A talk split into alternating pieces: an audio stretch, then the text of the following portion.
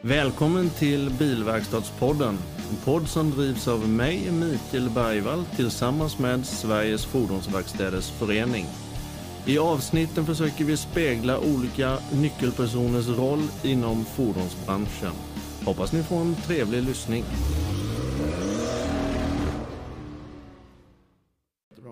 Välkommen till eh, Bilverkstadspodden, Johan Hilmersson från Bilia. Tackar, tackar. Tack, tack. Väldigt kul att du ville ställa upp på det här. Ja, jag ser fram emot det här. Mm, det ska bli intressant och Ja. spännande. Du, kan du berätta lite eh, till att börja med vem Johan Hilmersson är? Ja, Johan Hilmersson, det är jag, 52 år. Eh, 53 år faktiskt i år. Fyller i juni 53. Man försöker ju undvika det när man kommer upp över 50. Så är det. Eh, gift, två döttrar.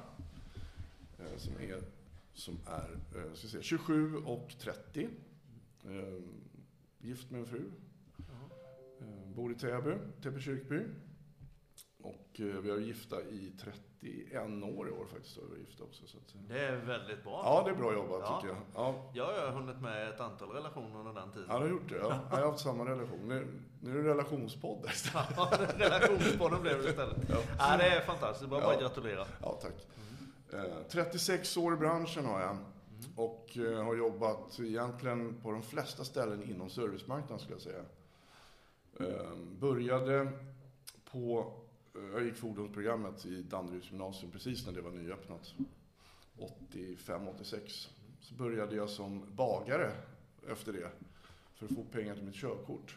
För det var ett krav. Det var ju brist på bilmekaniker även på den här tiden. Ja, okej. Men man behövde ha körkort. Annars kunde man inte få jobb som bilmekaniker. Så jag jobbade som bagare faktiskt ett tag där. Tidiga morgnar och cykla dit och, och baka bröd. Och cykla hem sen på eftermiddagen och ledig halva dagen. Ja. Nu så- gjorde du bra med deg. Ja, det kan man göra. ja, det var bra, precis. Ja. Ja, men sen smet jag därifrån. Ja, du gjorde det ja. Nej, och, och fick, tog mitt körkort och började på Opel faktiskt eh, i Sundbyberg.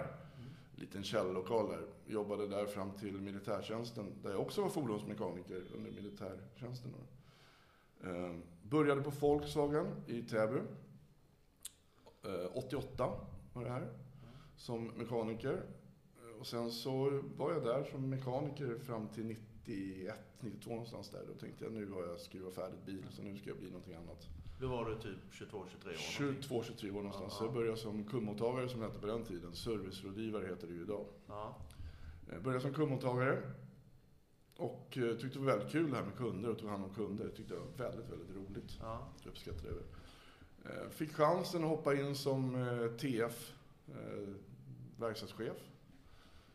Och eh, ja, tog den och, blev mer och mer ledare om man säger så. Och tyckte det var ganska kul med ledarskap och, och den biten. Så blev verkstadschef. Eh, När verkstadschefen gick i pension så blev det automatiskt att jag blev verkstadschef för den anläggningen där jag tidigare varit mekaniker. Det är ju en utmaning det också. ja, det kan man ju säga. Så att, eh, men det, det, det utvecklar en också väldigt, väldigt mycket. Hur man måste tänka om man tidigare stått på golvet själv med, med killarna och sen blir chef över dem. Det, det blir två saker, två olika saker. Även för ja. kundmottagarna. Hur hanterar du det? För tidigare, man är ju liksom kompis och sen ska du bestämma över kompisarna. Ja, det är så. Man får vara väldigt diplomatisk. Ja. Det blev ju ibland att man fick emot sig. Så där var det aldrig när du skruvade, så där sa du aldrig och sådär. Man fick det emot sig. Men man, man måste vara väldigt diplomat och ödmjuk och prestigelös. Och det tycker jag att jag är faktiskt. Att jag Ja. kan vara det, prestigelös och ödmjuk. Eh, Och det tror jag är en, en nyckel till att lyckas. Det jag märkte sen, jag, jag blev ansvarig för en anläggning till sen, vår anläggning på Östermalm på den tiden. Ja. Eh, Det här var, hette Täby Bilcity hette det på den tiden. Det var efter VAG Stockholm. Men det var ju VAG-ledet. Det var ju VAG-ledet, ja. Det hette Täby Bilcity, det var Scania då. Eh, Och eh, då blev jag ansvarig för eh, anläggningen för verkstaden, för servicemarknaden på vår anläggning på Östermalm också. Och där var det mycket lättare att driva ledarskapet. Det var ingen som kände mig som tidigare. Det var helt annorlunda. Så det var två olika ledarskap man fick ha på de här två olika Ja. anläggningarna. Så det var, det var en utmaning. Hur gör du när du kommer in liksom så och tar över en ny anläggning? Jag försöker ju presentera mig själv och visa på den ödmjukhet jag har, som Ja. jag tycker själv att jag har i alla Ja. fall. Och, eh, och, inte, och vara ganska prestigelös. Eh, pratar mycket med människor, går runt och pratar med människor. Och, och jag kall, sammankallar egentligen ett möte och berättar om mig själv. Kort vad, man själv har, var man står någonstans, vilka värderingar man har och sådär. Och sen så, och vad jag förväntar mig, framförallt vad jag förväntar mig av, av medarbetarna. Mm. Tycker jag är jätteviktigt.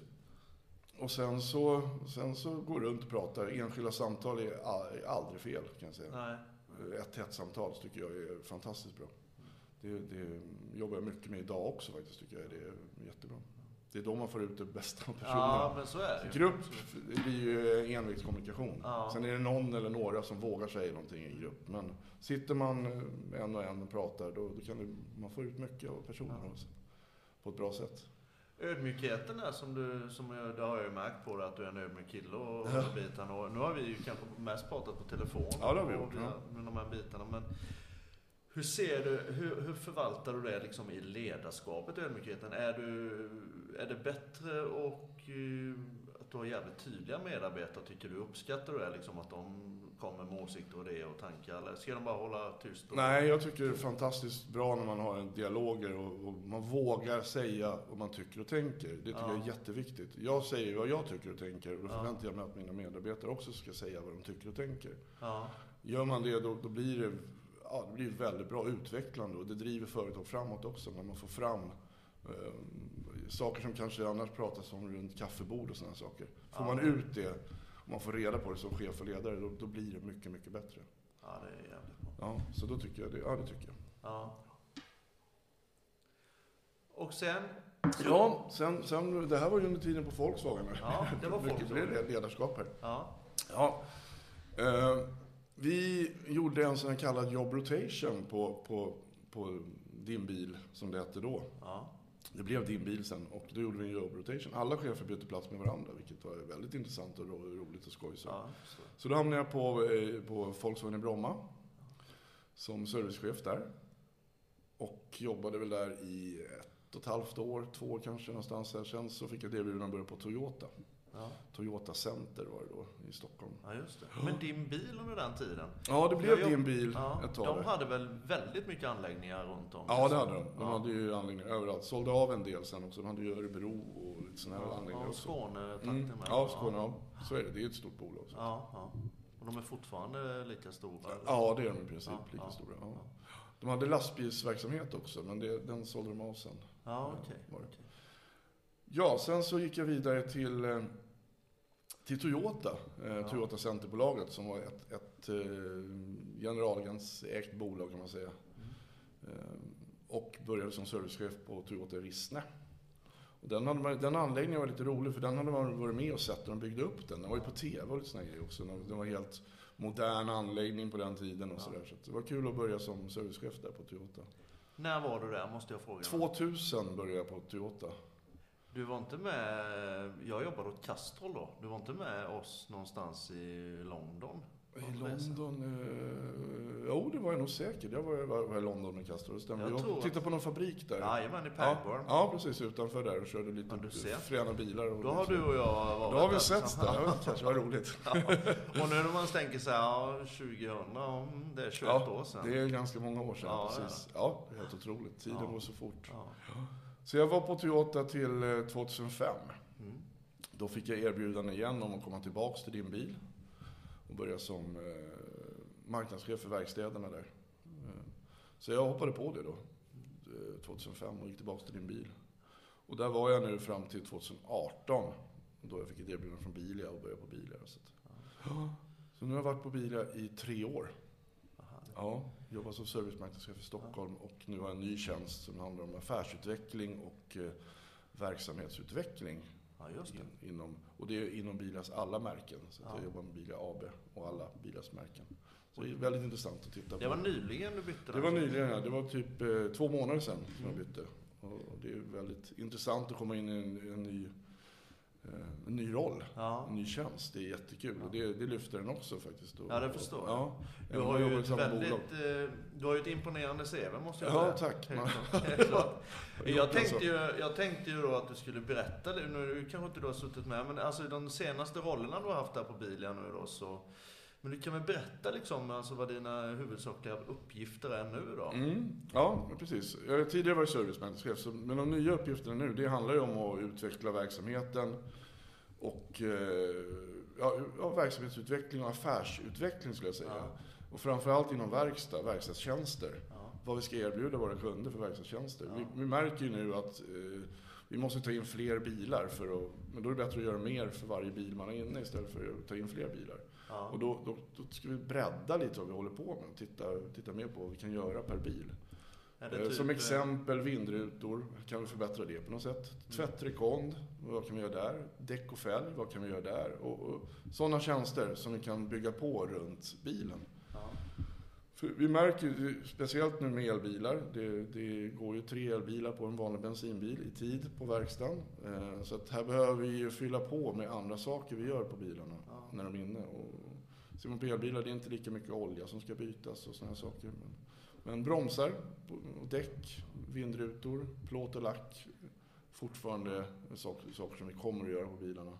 Och där behöver vi utveckla oss. Så det är den verksam, verksamhetsutvecklingen jag tittar på kan jag säga. Är kan inte riktigt gå in i detalj på allt. Nej, det förstår jag. Det är för tidigt att säga Nej, så. Men, här behöver man titta. Här, här blir det bra om alla verkstadsägare börjar titta på vad man ska göra på verkstäderna. Det är ett ja. litet tips till alla. Ja, men jag tänkte på det. För i takt med att elbilarna ökar såklart. Så minskar ju beläggningarna på verkstäderna. Så är det ju. Så är det, absolut. Hur ofta ska en elbil in på? Är det, är det en gång om året ändå man ska? Ja, det, det, är lite olika. Varannat år är det i princip ja. kan man säga på dem. Ja. Det är klart, då gäller och det. Är, det är, alltså en service tar 20 minuter på en sån här bil mot kanske en och en halv timme på en bensin eller dieselbil. Så det är skillnad. Det är skillnad. Jag tror, ju, jag tror ju däcksidan och det måste också mm. utvecklas. Mm. Ja, så här, det finns potential. Det finns, det finns saker man kan göra för att hitta de timmarna ja. man kommer att tappa. Så ska jag säga. Det att, och det är viktigt att man gör det. det är ju, annars så tappar vi timmarna. Det är ju lönsamhet som försvinner. Ja. Och lönsamhet sitter faktiskt i, i effektivitet och timmar på verkstaden. Mm. Inte i reservdelar kanske, som många tror. Nej, nej, det handlar om reserv, reservdelsrabatter. Det är inte där pengarna sitter om man ska driva en verkstad. Det sitter i timmarna. Mm. Och effektivitet. När det gäller branschen eh, överlag så är det ju alltså man saknar ju väldigt mycket bilmekaniker som vi har pratat om. Pratat det gör tidigare. absolut. Hur är det i originalhandeln? Ja, nej, men det är samma sak där. Jag tror att vi har, vi har säkert ett tiotal vakanser. Ja. Eh, vi jobbar ju tätt med skolorna, försöker ja. få in folk därifrån. Eh, praktikanter anställer vi i princip hela tiden. Ja. De gör sin praktik hos oss och sen så blir de anställda. Mm. Så att det, det fylls på den vägen. Fylls det på. Men, men ibland behöver man ju ha det kanske slutar någon som är väldigt duktig och välutbildad. Då behöver man ha en, tillbaks en välutbildad duktig mekaniker. Man kan inte bara bygga på ut, uh, underifrån. Och det är svårt. Det går nästan inte att få tag i en, en välutbildad tekniker idag. Vi jobbar mycket med Arbetsförmedlingen och, och, och hela den biten också. Ja. För att se vad man kan göra. Movent var ett företag som jobbade tillsammans med också när det gäller eh, flyktingströmmen som kom. Där det fanns faktiskt en del bilmekaniker och tekniker med i den flyktingströmmen. Så vi försökte snappa upp dem också. Ja. Där ju, tar det lite lång tid att få arbetstillstånd och sådana saker. Ja, det är ju det som jag tycker borde på något sätt förändras. Ja. För det finns ju mycket kompetens som inte får jobba. Det finns ju det och vi, vi skriker ju efter att få kompetens och vill ha folk som jobbar. Och, ja. och, men det tar för lite, byråkratin tar lite för lång tid där att få folk i arbete tycker jag. Är det just eh, mekanikerbristen som du ser är den största utmaningen som vi har i branschen? Ja, det skulle jag nog säga att det är. Det är det och, och, och att vi ska försöka sälja de timmarna vi har på verkstaden. Ja. Det är väl de utmaningar vi står framför just nu. Eh, och så, ja, så säger det. Ja. När det gäller eh, personlig servicetekniker, mm. hur fungerar det? Ja, det var kul för att jag, jag har ju aldrig jobbat med det tidigare tills jag kom till Bilia. Det var, innan dess hade vi ju serviceolivare och det konceptet. Ja. Och jag har ju varit blandad, blandad kompott innan jag började jobba på Bilia och såg det här person och servicekonceptet. Ju mer jag kommer in i det, ju mer positiv blir jag. Det är fantastiskt vilket koncept alltså. Ja. Och, och kunderna uppskattar att prata direkt med sin tekniker. Det, det är helt fantastiskt bra och vilka relationer man bygger. Men jag jobbade själv som det ett tag när jag var tekniker. Jobbade som, som direktmekaniker, så jag jobbade direkt med kunderna. Och jag tyckte själv om det väldigt, väldigt mycket. Men sen när man ser till, till man tappar lite effektivitet på det. Men du har igen det på så mycket annat. På personalkostnader till exempel. Men, men är det inte också, det är bara en liten sån här förutfattad mening, ja, men det, det, kan inte innebära att det är en liten risk för företaget om du har en gubbe som har jobbat i tio år som personlig servicetekniker och har sin kundstock så här och sen väljer han att gå vidare. Det, det är klart att det är det. Det är, det är klart att det är den risken. Ja. Eh, men, men det är ju samma egentligen med en säljare. Säljare bygger också upp sina kundstockar och risken att de går, ja. går, går vidare och tar med sig kunderna. Det är, det är samma sak där. Ja. Det är egentligen, vilken roll du än har i ett företag så finns det en risk för det. Så att det, jag, nej men jag ser att det, det, positiva överväger den lilla risken. Ja, ja. ja det, jag förstår det. Och, och, bygga relationer, det är där, det är där man säljer, tycker ja. jag. Det, får man ett förtroende för den man lämnar bilen till, då, då ja. är det lättare också när om vi hittar anmärkningar och sådana saker ja. på bilen. Har du några tankar när det gäller just eh, lärarbristen? När det gäller, jag har ju jättesvårt att säga R, så därför det låter lite lärarbristen. Men lärarbristen när det gäller att utbilda mekaniker och sånt, hur, ser, hur, hur skulle man kunna ja, lösa det? Den är ju lite oroande. Ja. Eh, vi hade faktiskt en tekniker hos oss på, på Bira som slutade och blev lärare i, på en av skolorna. Ja. Vilket är ett väldigt kul steg tycker jag om man har varit tekniker, en personlig servicetekniker och som var en fantastiskt duktig kille som, som blev lärare. Och det tycker jag är kul. Även om vi förlorade en tekniker. Men, men då har ju han chans att, att, få med sig våra värderingar och, in i skolan där. Så det, det, tycker jag var fantastiskt bra. Men det är oroande med, med lärarbristen och kompetensen på lärarna också kan vara... De behöver nog komma ut i verkligheten lite mer och se det nya som kommer på, på ett helt annat sätt. Ja. Hur, hur ser du på mm, framtiden när det gäller som generalagenterna när de plockar bort vissa bilmärken och de här bitarna. Hur ser du framtiden 5-10 år framöver? Hur... Ja, det kommer ju förändras eh, väldigt, väldigt fort nu. Jag tror att de här fem åren vi har framför oss nu kommer att vara lika, lika mycket förändringar som det har varit under de åren jag har jobbat i branschen, känns det som. När man tittar framåt i alla fall. Eh, men sen är ju inte alla förändringar onda. Det ska man inte sitta och säga och tro att, att det här blir dåligt. Utan jag, jag, jag, kan se positiva saker i de här förändringarna också. Med agentavtal, med, med att eh, det kanske kommer ut bilar på marknaden, men på servicemarknaden kommer det ju behövas. Och, och, och med verkstadstjänster och den biten också. Hur kommer bilar att säljas? Det spekuleras ju väldigt mycket hur bilar kommer att säljas i framtiden. Kommer det att bli mindre showrooms och sen så kommer man sälja det över nätet? Eller hur Min känsla, eller vad jag tror, det är med att man kommer att gå lite mer mot möbelbranschen, hur de har haft det. Där, där, där, där nätförsäljningen är stor, men du kan åka och titta och känna och klämma på de här möblerna. Och, och där kan du också få hjälp att beställa möblerna via nätet. Ja. Av personer som, som sitter uppkopplade och hjälper dig att välja vilken färg du ska ha på sängen eller vilken sänggavel du ska ha, vilken madrass du ska ha. Så saker. Men det beställs via nätet fortfarande, de hjälper till med det. Så det går nog mer mot showrooms. Ja. Tror jag, inom varje fall kanske tre fyra år. Ja. Mer mot mindre showrooms där säljarna är mer hjälpsamma och hjälper till och gör beställningen åt kunden. Det är väl det som jag tror att det kommer att bli i alla fall. Så att, eh, ja. Det, det blir en annan sorts försäljning? Ja, det, det skulle jag tro att det blir. När det gäller det som vi lever i nu då? Eh, när det gäller coronatider och de här bitarna. Ja. Och, eh, hur, hur har det förändrat sättet att bedriva verksamhet? Vi har, vi har klarat oss fantastiskt bra i ja. corona skulle jag säga, eh, inom Bilia. Och jag tror att branschen har gjort det i stort också faktiskt, det känns som. Vilket är väldigt kul. Men vi var ju snabba på att agera utifrån vad vi behöver göra för att kunderna ska våga komma till oss. Mm. Eh, med med coronasäkra våra bilhallar och våra verkstäder. Och Hur gör man när man coronasäkrar? ja, man går ut med information och man ja. sätter upp information. Man följer de riktlinjer som finns.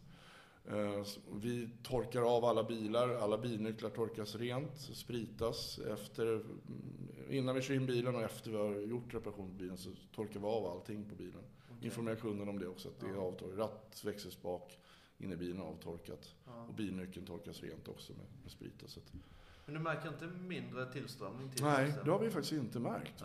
Vi, snarare tvärtom. Vi har haft bra tryck. Vi har, ja, det känns som folk, mer kanske folk åker bil. Alltså kollektivtrafiken har man ju vana för. Det är mer som åker bil. Så att, eh, ja, men passa på kanske och göra ordning sina bilar också.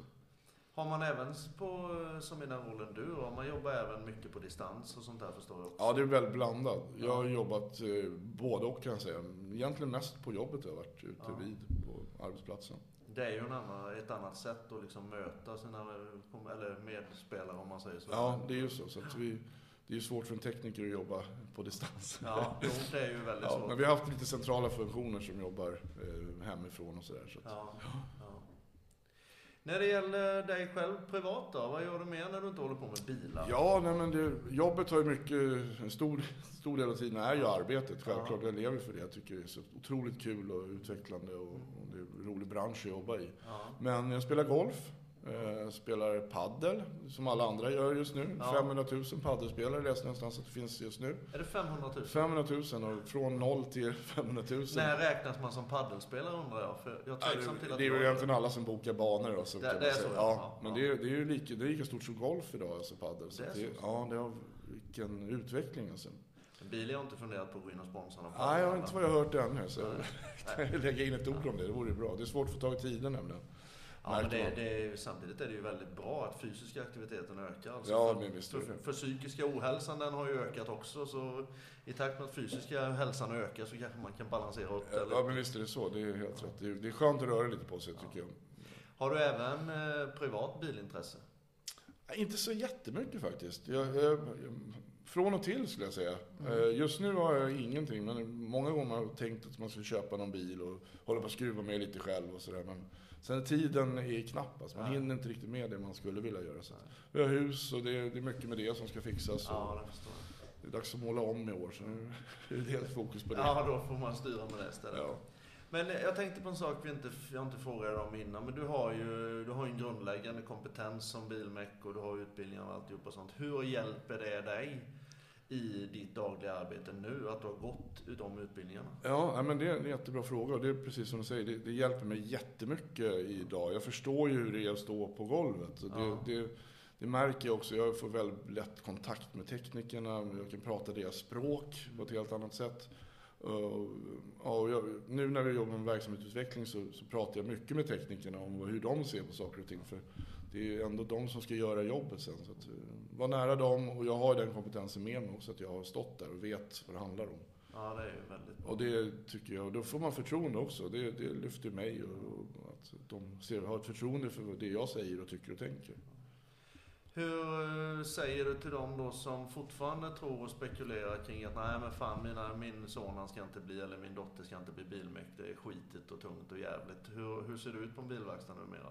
Ja, det är ju inte skitigt och tungt. Ja, det kan vara, under däcksäsong kan det vara lite tungt kan jag Ja, säga. ja. Men det är bra träning bara. Ja. Det gäller att vara rädd om ryggen. Men, men annars är det bra träning att hålla på med däck. Ja, Men det- i princip så är det ju mycket är ju datastyrt. Det är Ja. uppkopplade bilar. Det är programvaror som ska upp eh, och in i bilarna. Eh, Det är en del fortfarande skruvande och meckande, men, men och, och man behöver inte vara orolig för att det är som ett framtidsyrke här skulle jag säga. Det, det kommer att finnas hur mycket jobb som helst i framtiden också som bilmekaniker. Så det tycker jag absolut att man ska låta sin son eller dotter Mm. få prova på och gå utbildningen. När det gäller just den biten, son eller dotter som du säger. Hur rekryterar vi in fler tjejer i branschen? Ja, det är, det, är, en- det är en svår fråga. Vi Ja, försöker, ja, vi försöker och Ja. försöker och försöker få in mer tjejer. Och, Ja. Men ja, jag vet inte vad man ska göra riktigt där.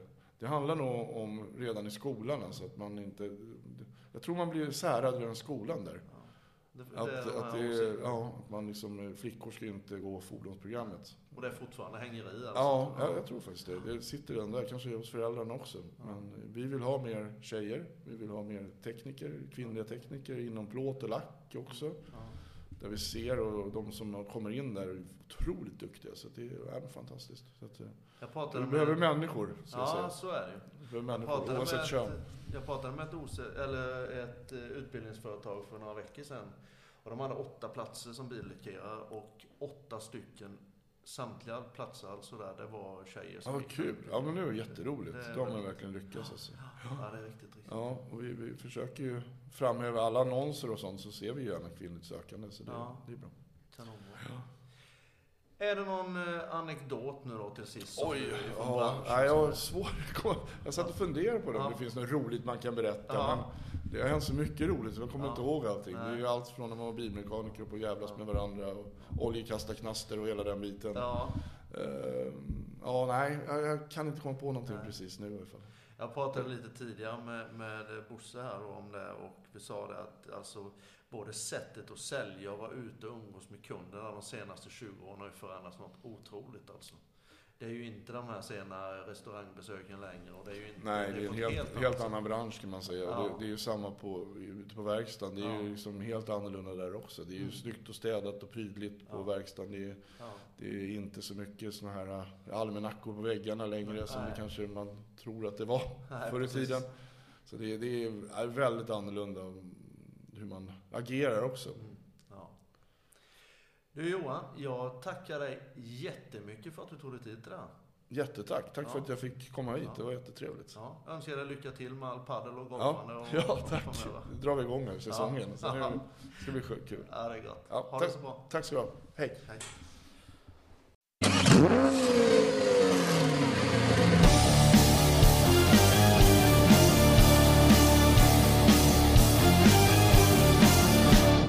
Välkommen till Bilverkstadspodden.